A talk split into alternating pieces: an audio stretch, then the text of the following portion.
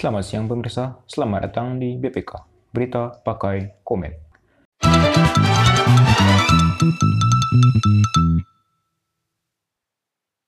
Berita pertama datang dari kantor pusat KPI yang di dalamnya diindikasi terdapat perbuatan bullying yang dilakukan oleh rekan kerja sesama selama bertahun-tahun. Sang korban kini telah mengirimkan surat press release-nya melalui media. Berikut saya bacakan surat press release-nya. Rilis Pers, Rabu, 1 September 2021. Judul, Pelecehan seksual beramai-ramai di KPI Pusat. Pelaku korban sama-sama pria. Wait, wait, wait. Ini pelakunya gay atau apa nih? Tanda bintang. Tolong Pak Jokowi, saya tak kuat dirundung dan dilecehkan di KPI. Saya trauma, buah zakar dicoret, spidol oleh mereka. Oh, pure pembuli. Tapi kok bisa mereka megang biji orang lain tanpa merasa geli gitu ya? Emang gay kayaknya nih orang. Perlu diperiksa nih komplotan. Kayaknya emang gay nih orang. Lanjut. Yang terhormat Presiden Joko Widodo, saya seorang pria berinisial MS. Hanya ingin mencari nafkah di Komisi Penyiaran Indonesia Pusat. Saya hanya ingin bekerja dengan benar, menunaikan tugas dari pimpinan, lalu menerima gaji sebagai hak saya dan membeli susu bagi anak sematawayang saya. Sepanjang 2012 sampai 2014, selama dua tahun, saya dibully dan dipaksa untuk membelikan makan bagi rekan kerja senior. Mereka bersama-sama mengintimidasi yang membuat saya tak berdaya. Padahal kedudukan kami setara dan bukan tugas saya untuk melayani rekan kerja. Tapi mereka secara bersama-sama merendahkan dan menindas saya layaknya budak pesuruh. Ini orang udah gede tapi kelakuan masih sama aja ya kayak remaja yang mencari perhatian, yang mencari sok-sokan gitu. Ini kantor KPI kayaknya keras juga ya senioritasnya. Padahal bukan kedokteran, bukan TNI, tapi senioritasnya keras juga ya, kayak kayak sekolah, kayak masih sekolah. Kelakuannya juga kayak anak sekolah, suka bully untuk dapat perhatian, untuk dapat kekuasaan atas kebebasan orang lain. Lanjut. Sejak awal, saya bekerja di KPI Pusat pada tahun 2011. Sudah tak terhitung berapa kali mereka melecehkan, memukul, memaki, dan merundung tanpa bisa saya lawat. Saya sendiri dan mereka banyak.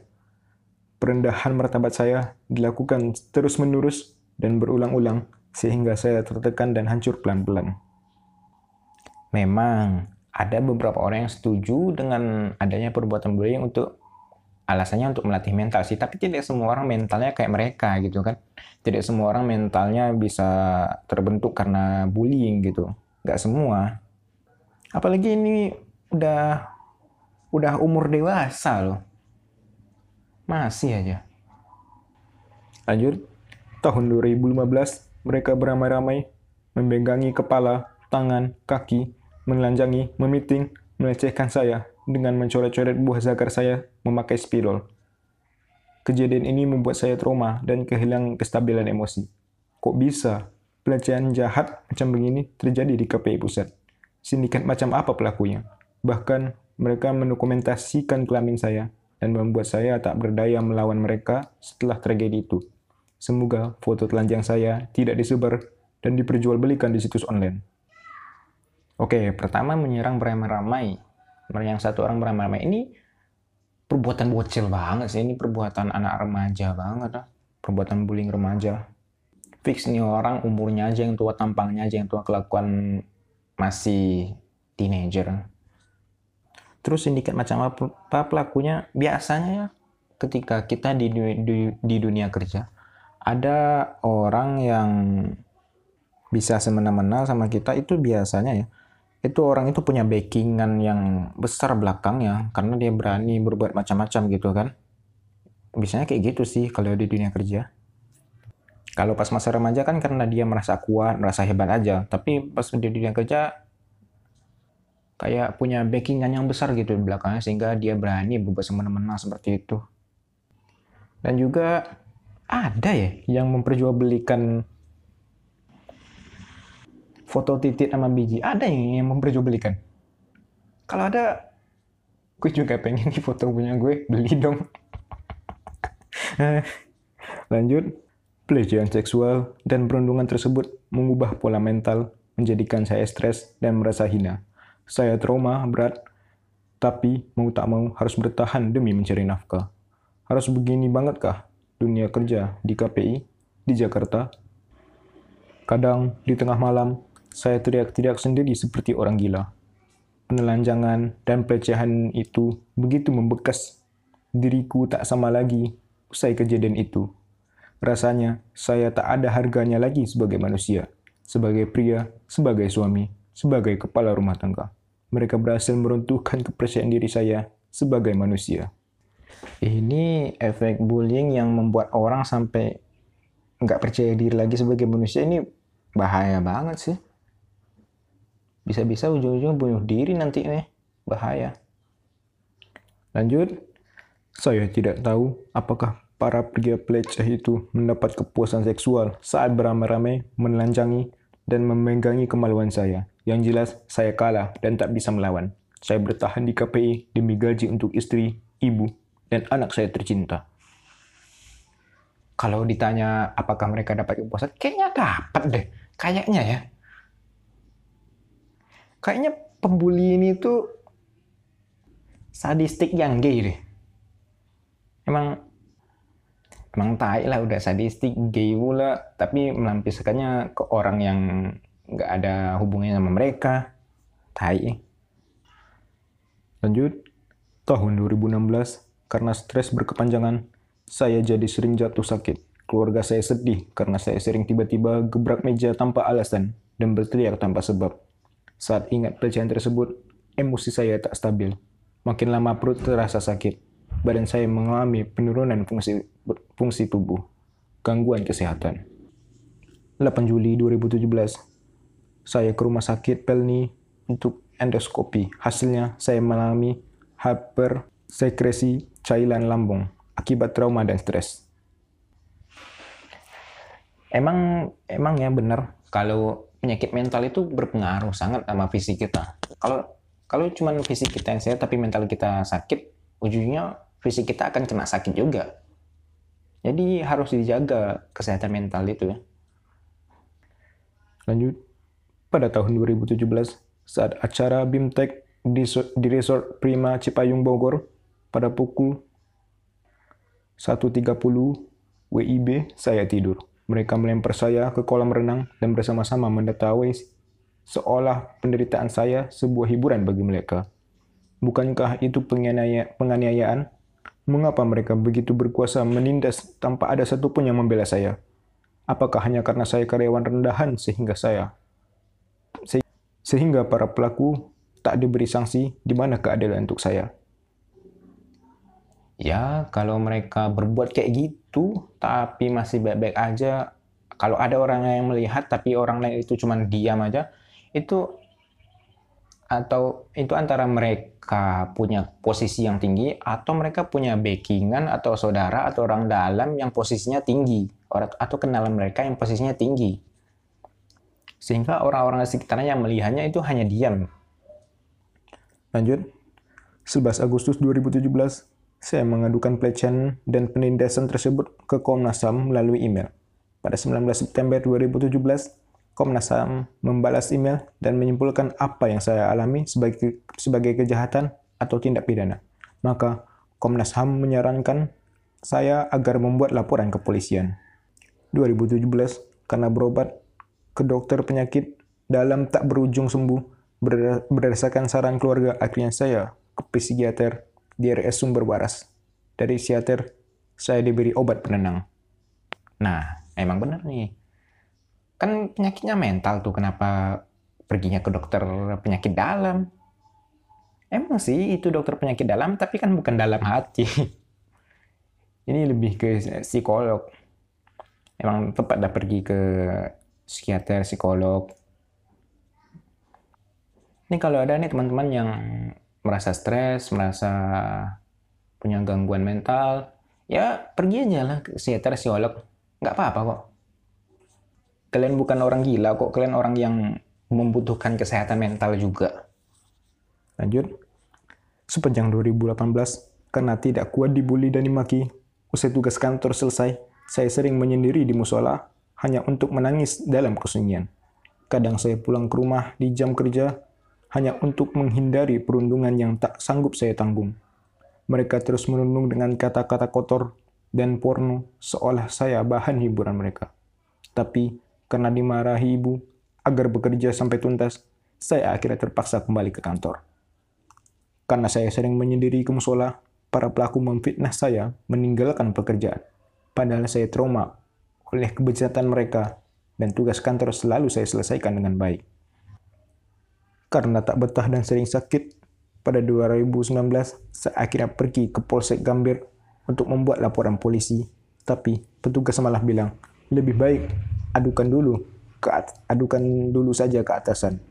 Biarkan internal kantor yang menyelesaikan udah bertahun-tahun loh padahal kas udah bertahun-tahun dia merasakan nih dari 2019 ke 2000 2012 ke 2019 itu berarti udah 8 tahun udah 8 tahun dia merasakan itu tapi masih juga disuruh ke kantor. Kayak ada kayak ada pengaruhnya aja gitu. 8 tahun mengalami itu di kantor dan polisi bilang ya ke kantor aja dulu. Kecewa kecewa pasti. Banyak orang korban kecewa kalau kayak gitu. Dan juga jarak dia mengadu ke Komnas HAM dan kantor Polres jauh juga ya dari 2017 ke Komnas HAM ke 2019 baru ke kantor polisi. Ini aku selalu penasaran nih kenapa jaraknya begitu lama? Apakah karena tekanan? Apakah karena pertimbangan lain? Kenapa penyelesaiannya harus lama ini?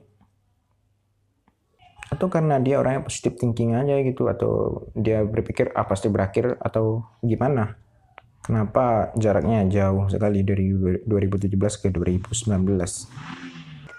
lanjut. Pak Kapolri bukankah korban tindak pidana berhak lapor dan kepolisian wajib meresponnya? Akhirnya saya mengadukan para pelaku ke atasan sambil menangis. Saya ceritakan semua pelecehan dan penindasan yang saya alami. Pengaduan ini berubah dengan dipindahkannya saya ke ruang lain yang dianggap ditempati oleh orang-orang yang lembut dan tak kasar. Sejak pengaduan itu, para pelaku mencibir saya sebagai manusia lemah dan si pengadu. Tapi mereka sama sekali tak disangsi dan akhirnya masih menindas saya dengan kalimat lebih kotor. Bahkan pernah tas saya dilempar keluar ruangan, kursi saya dikeluarkan, dan ditulis bangku ini tidak ada orangnya. Perundungan itu telah terjadi selama bertahun-tahun dan lingkungan kerja seolah tidak kaget. Para pelaku sama sekali tak tersentuh. Ini kayaknya emang kuat kali ya backingan orang yang pembuli ini. Sampai-sampai nggak kena sanksi dari atasan, rekan-rekan kerjanya diam aja. Siapa sih backingannya? Gokil nih. Lanjut. Saya makin stres dan frustasi. Akhirnya berdasarkan saran keluarga, saya konsultasi ke psikolog di puskesmas Taman Sari. Hasilnya, saya diponis mengalami PTSD, Post Traumatic Stress Disorder. Bingung menghadapi lingkungan kerja yang penuh dengan predator dan penindas, akhirnya di kantor saya hanya bisa curhat ke Pak Buhul. Dia sopirnya komisioner KPI Pusat. Bu Nuning Rodia. Saya butuh teman bicara di kantor sebab pasca pemindahan saya ke ruangan lain, nyatanya tidak mengakhiri perundungan yang dilakukan para pelaku. Ya iyalah itu kayak lo di tengah lah itu kayak lo di tengah lapangan lagi haus. Terus ada orang bilang, "Kamu haus ya? Sini cepat ke tenda." Berteduh di tenda gitu kan.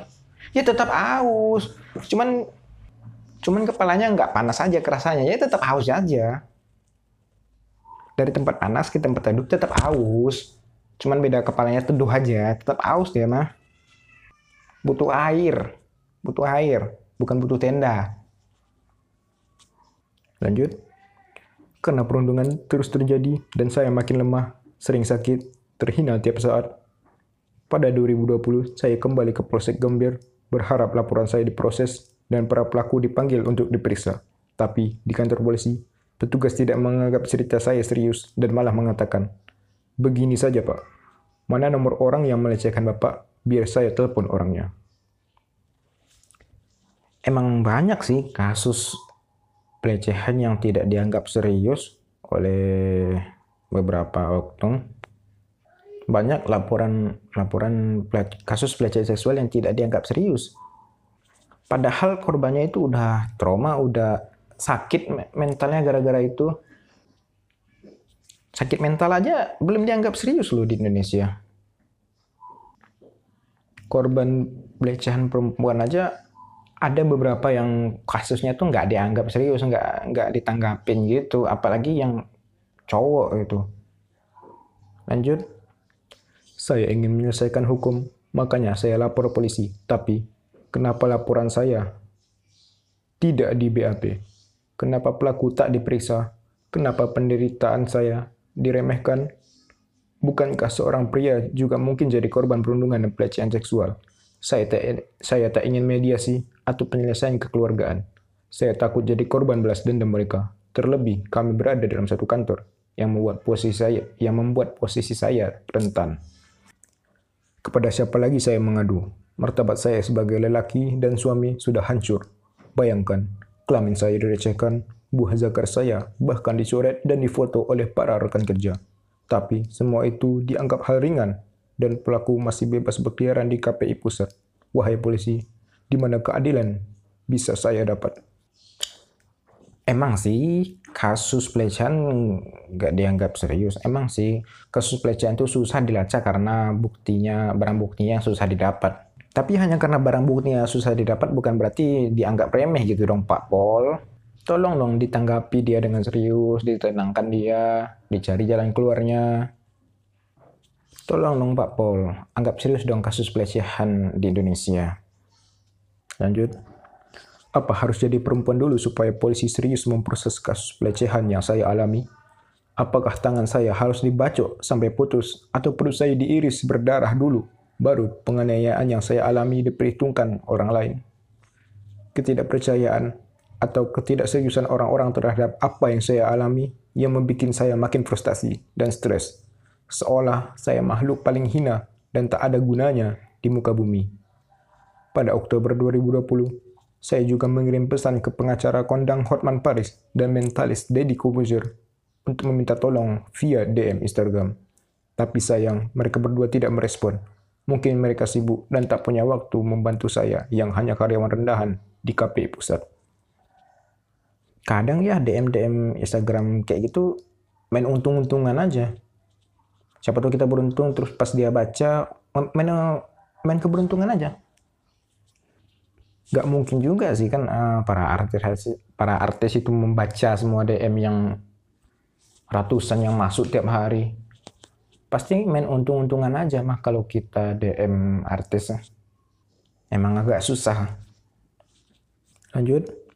Pak Jokowi Pak Kapolri Menko Polhukam Gubernur Anies Baswedan tolong saya sebagai warga negara Indonesia, bukankah saya berhak mendapat perlindungan hukum?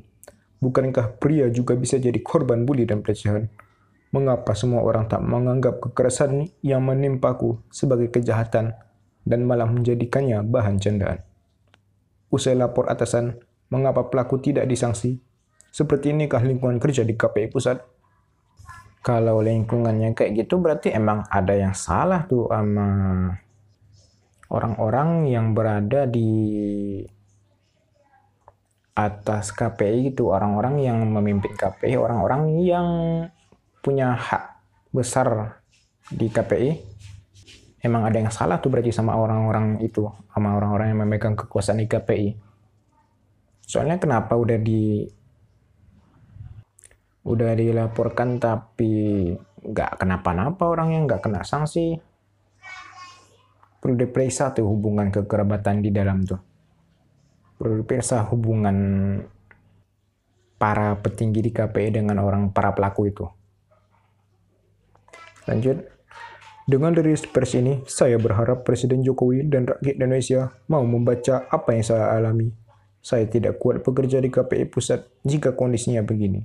Saya berpikir untuk resign tapi sekarang sedang pandemi COVID-19, di mana mencari uang adalah sesuatu yang sulit. Dan lagi pula, kenapa saya yang harus keluar dari KPI pusat? Bukankah saya korban? Bukankah harusnya para pelaku yang disanksi dan dipecat sebagai tanggung jawab atas perilakunya? Saya benar.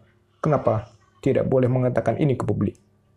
Dan kalau keluar dari kantor yang penuh perundungan, saya takut tidak bisa menafkahi keluarga, terutama anak dan istri tercinta. Perundungan dan pelecehan seksual yang saya alami sungguh membuat tidak kuat bekerja di KPI pusat. Tapi saya tidak ingin menambah jumlah pengangguran di Indonesia. Kenapa malah pakai kata-kata menambah jumlah pengangguran? Pakai kata lain kayak, aduh. Tapi emang bener ya, dia yang korban kok dia yang keluar, kok dia yang susah jadinya gitu kan. Seharusnya para pelaku ini mah yang harusnya jadi susah. Gini nih kalau sistem orang dalam tai emang.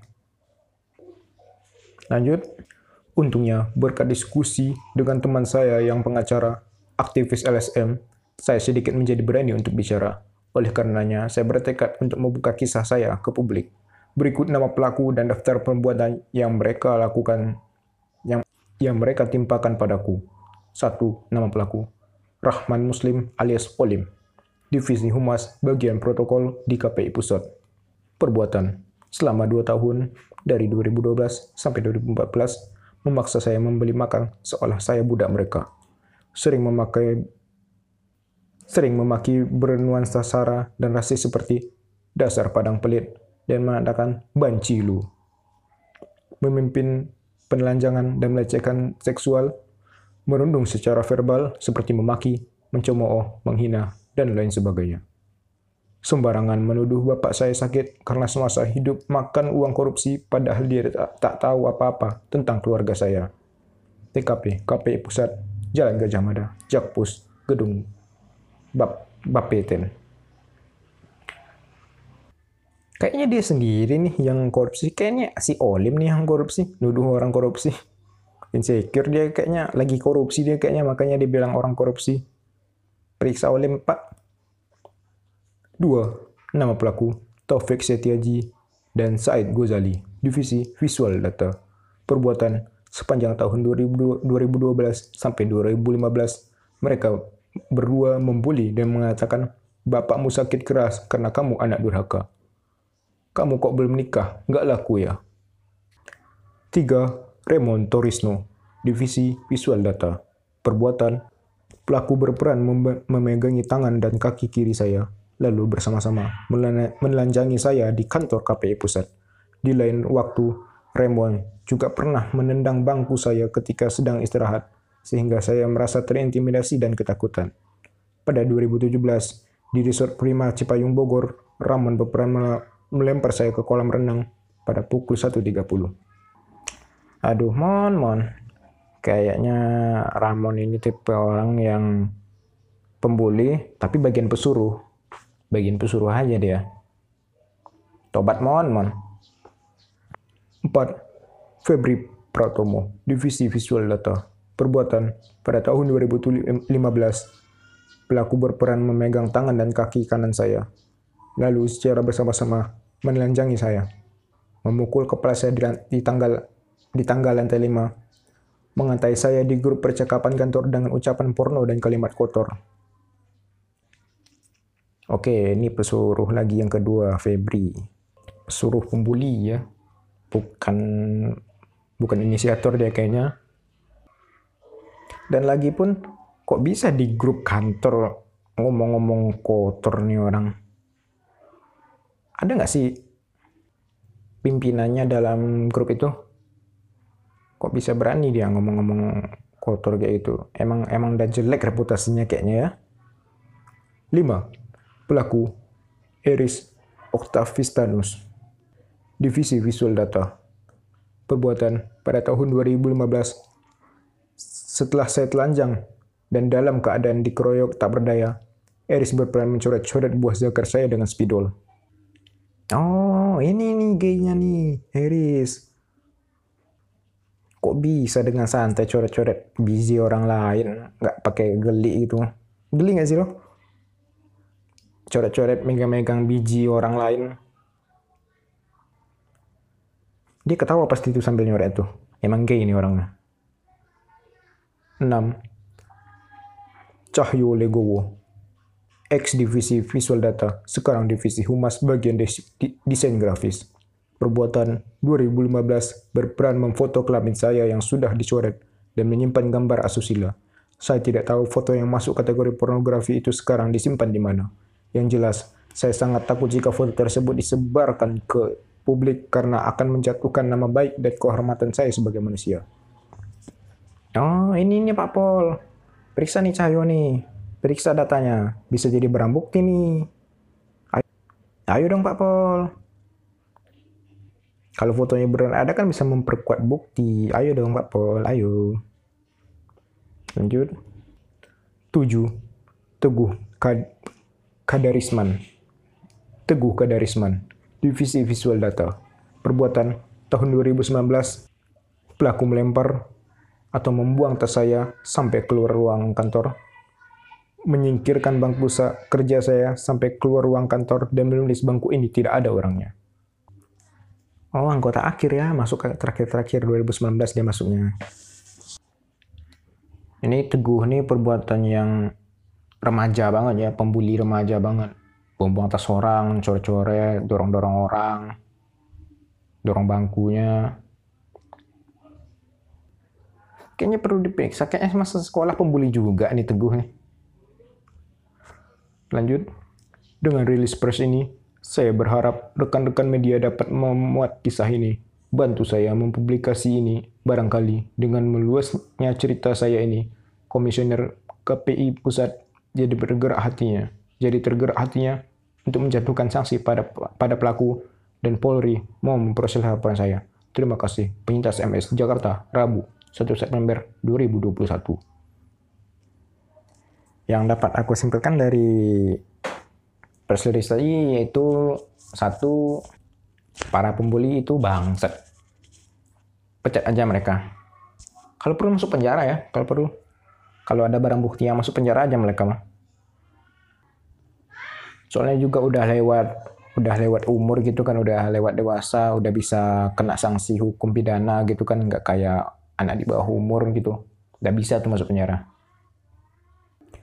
Yang kedua, kasus ini perlu diusut perlu diusut lebih serius oleh polisi karena ini udah orang-orang dewasa juga orang gede terjadi di KPI pula tuh.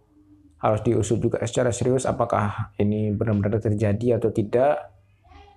Karena kalau ini cuma prank kayak prank anak remaja yang kena bully uh, dulu ada viral kan anak remaja ngakunya kena bully padahal itu prank itu mah anak remaja gitu kan perlu uh, hanya mencari attention mereka. Tapi ini orang dewasa udah bertahun-tahun juga nih merasakan.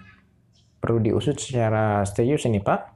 Ya pak Paul yang ketiga bagaimana bisa kita mempercayakan orang-orang yang menyensor penyiaran kita orang-orang yang memeriksa penyiaran kita orang-orang yang bertugas untuk mengawasi sensor